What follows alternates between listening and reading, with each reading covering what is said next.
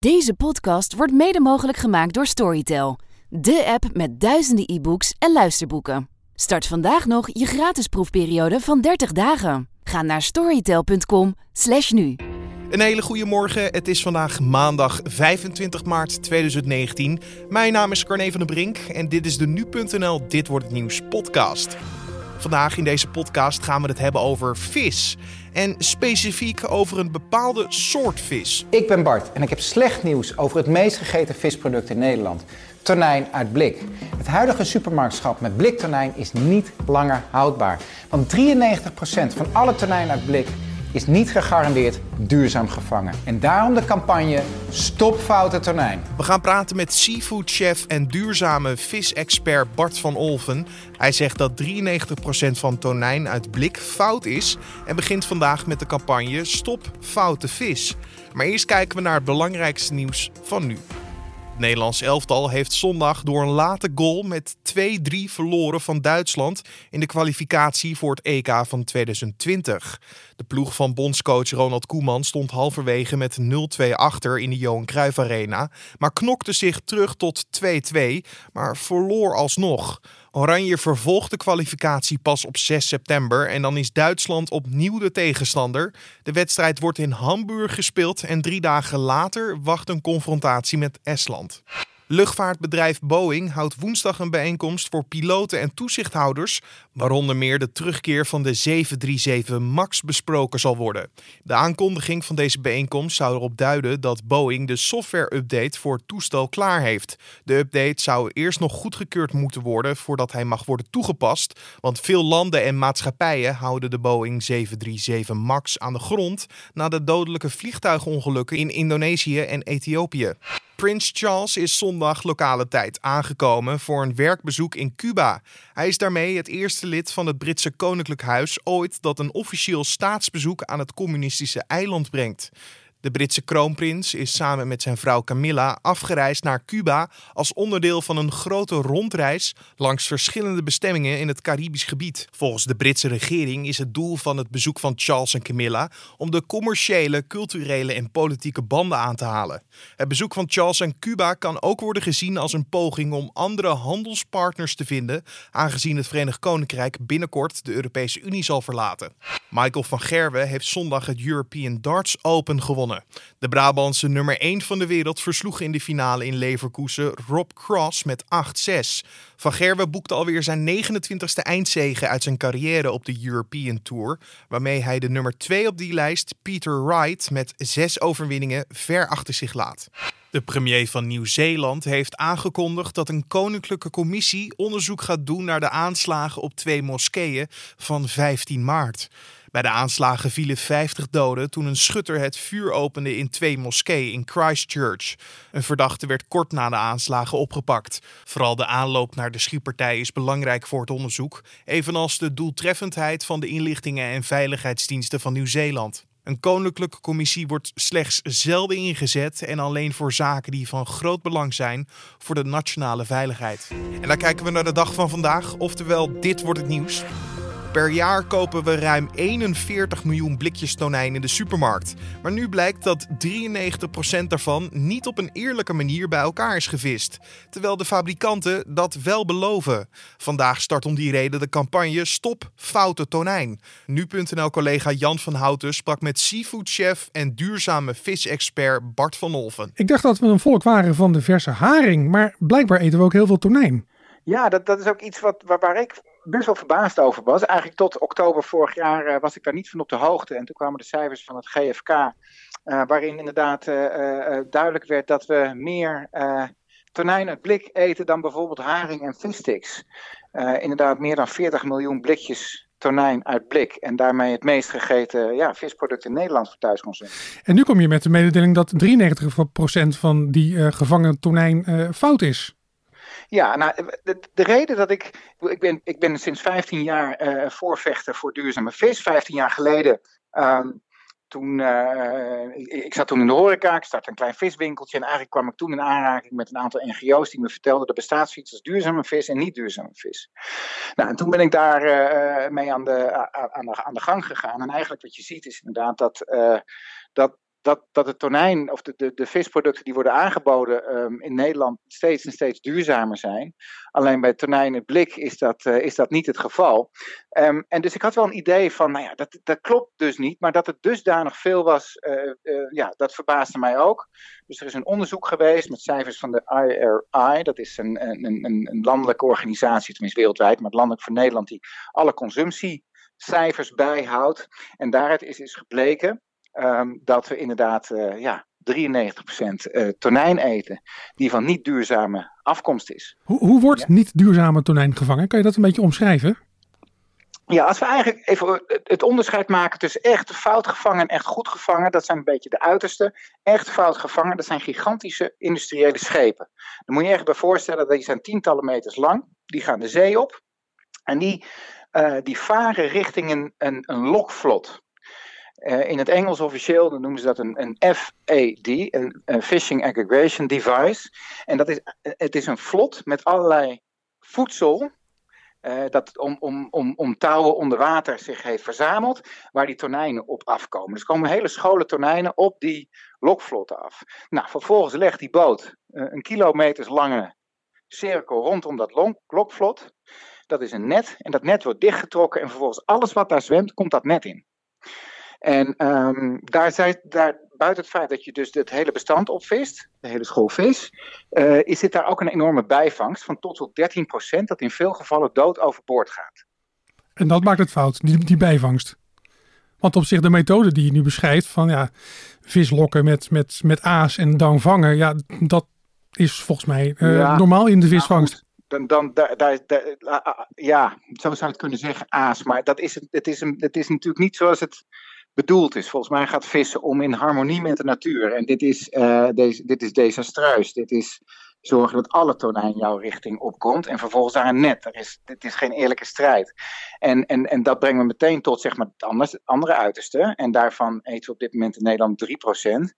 Dat is de tonijn die dan wel goed gaat. En dat zijn de, uh, uh, tonijnen die worden gevangen met een hengel en een haak. En um, in open zee. En, en die worden gevist uit bestanden die wel gezond zijn. En, en met zo'n hengel en haak vang je dus niet het hele bestand. Um, en, en, de bijvangsten bij hengel en haak zijn minimaal, eigenlijk niet heel. En als er iets wordt gevangen, dan gaat dat weer levend overboord terug. Terwijl bij purseine, zo noemen die ringnetten, dan gaat het uh, vaak dood weer terug overboord, de bijvangsten.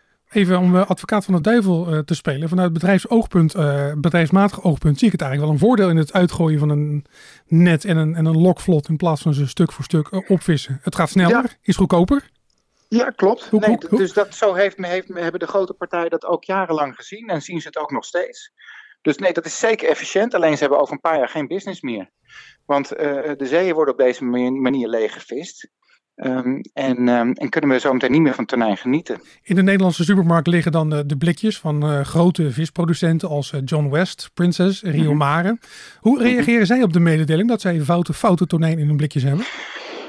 Nou, weet ik niet. Heb ik nog niets, nog niet, nog niets van gehoord. Um, kijk, wat, wat, je vooral ziet bij die partijen, als je ook naar hun websites kijkt, is dat ze, dat ze zelf een, een duurzaamheidsclaims hebben bedacht. Dus het is ja, een beetje slagerkeurt zijn eigen vlees, um, die, uh, ja, die misleidend zijn.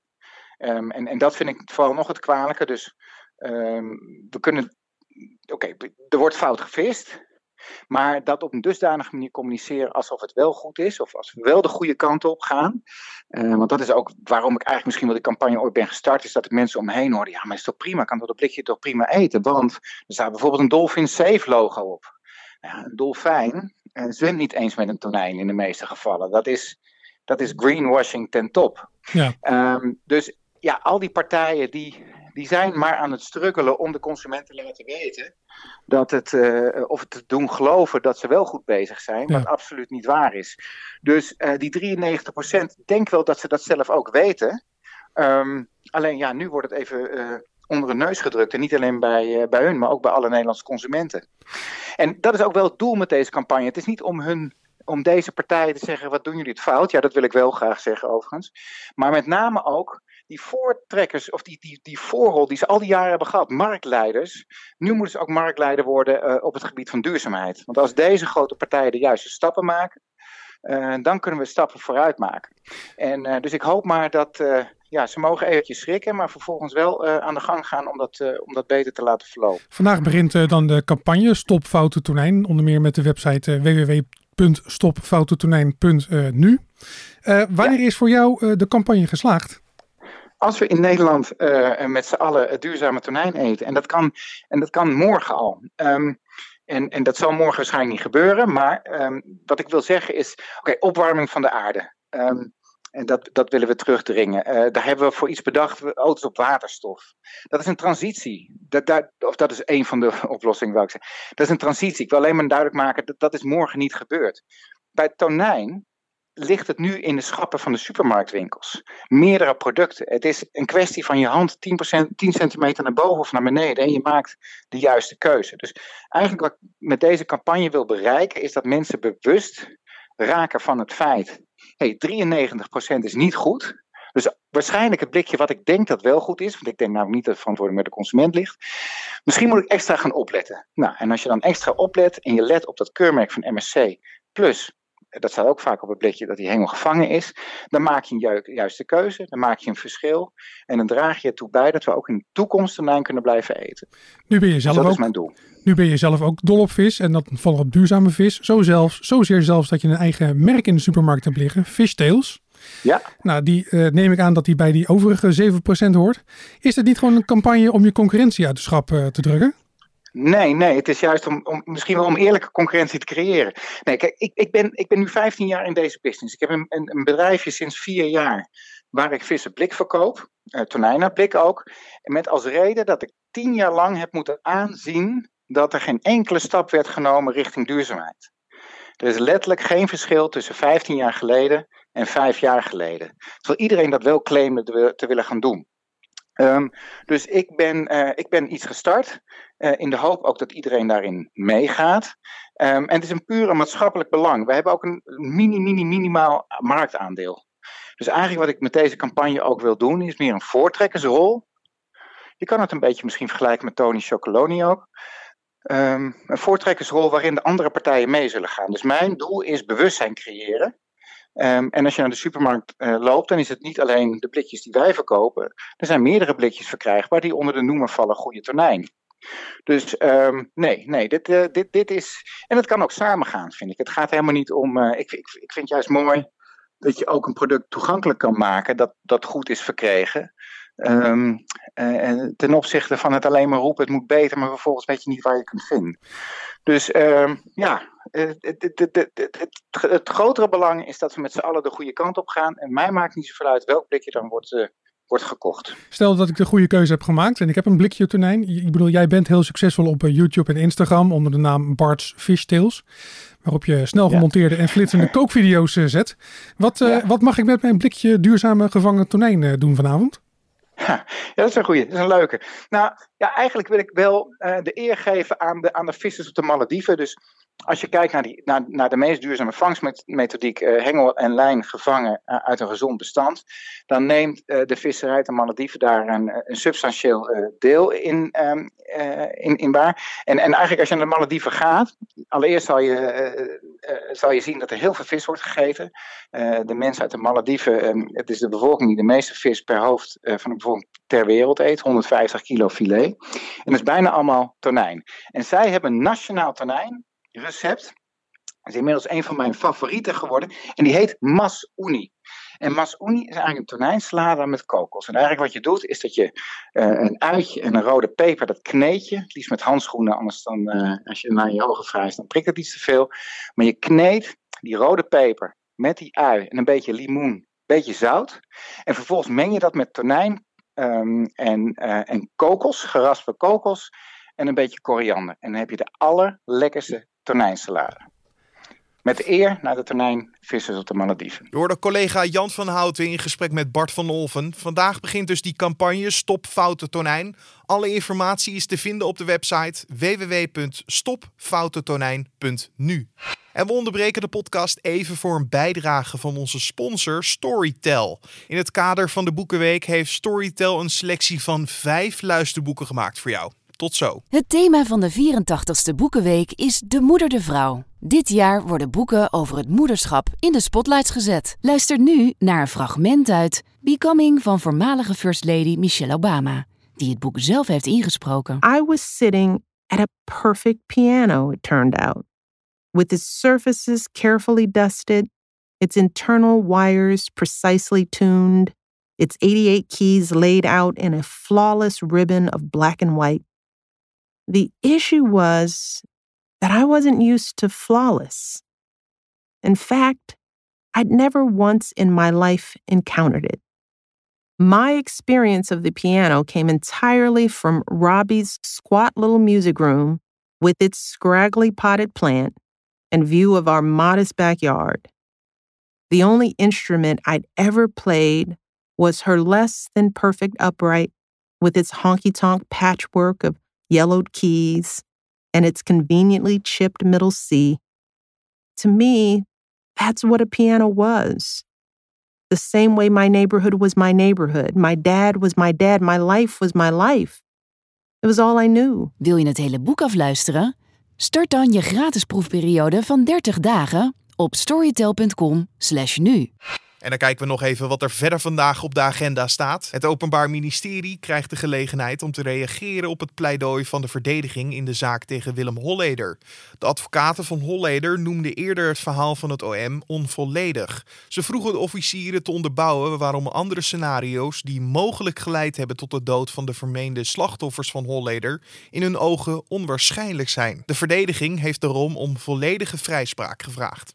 Het Britse lagerhuis begint aan een nieuwe debatweek om de impasse over de brexit te doorbreken. Vandaag is formeel het verslag van de jongste EU-top aan de orde, waarin Londen een voorwaardelijk uitstel van de brexit heeft gekregen tot 22 mei. Voorwaarde is wel dat het parlement nu instemt met het eerder afgewezen akkoord met de EU over de terugtrekking. En binnen het Verenigd Koninkrijk neemt het protest tegen de brexit nog steeds verder toe. En dan nog even het weer. Het is wisselend bewolkt en er vallen vooral in het oosten buien met kans op hagel en onweer. En het wordt hooguit 10 graden bij een vrij krachtige tot harde noordwestenwind. En dit was dan de Dit wordt het nieuws podcast voor deze maandag 25 maart. Je vindt de podcast natuurlijk elke maandag tot en met vrijdag om 6 uur ochtends op de voorpagina van nu.nl en in je favoriete podcast app. Laat ons weten wat je van deze podcast vindt in een mailtje naar podcast.nu.nl of een recensie in iTunes. Dus een mailtje naar podcast.nu.nl of een recensie in iTunes. Mijn naam is Carne van der Brink. Voor nu een hele fijne maandag en tot morgen.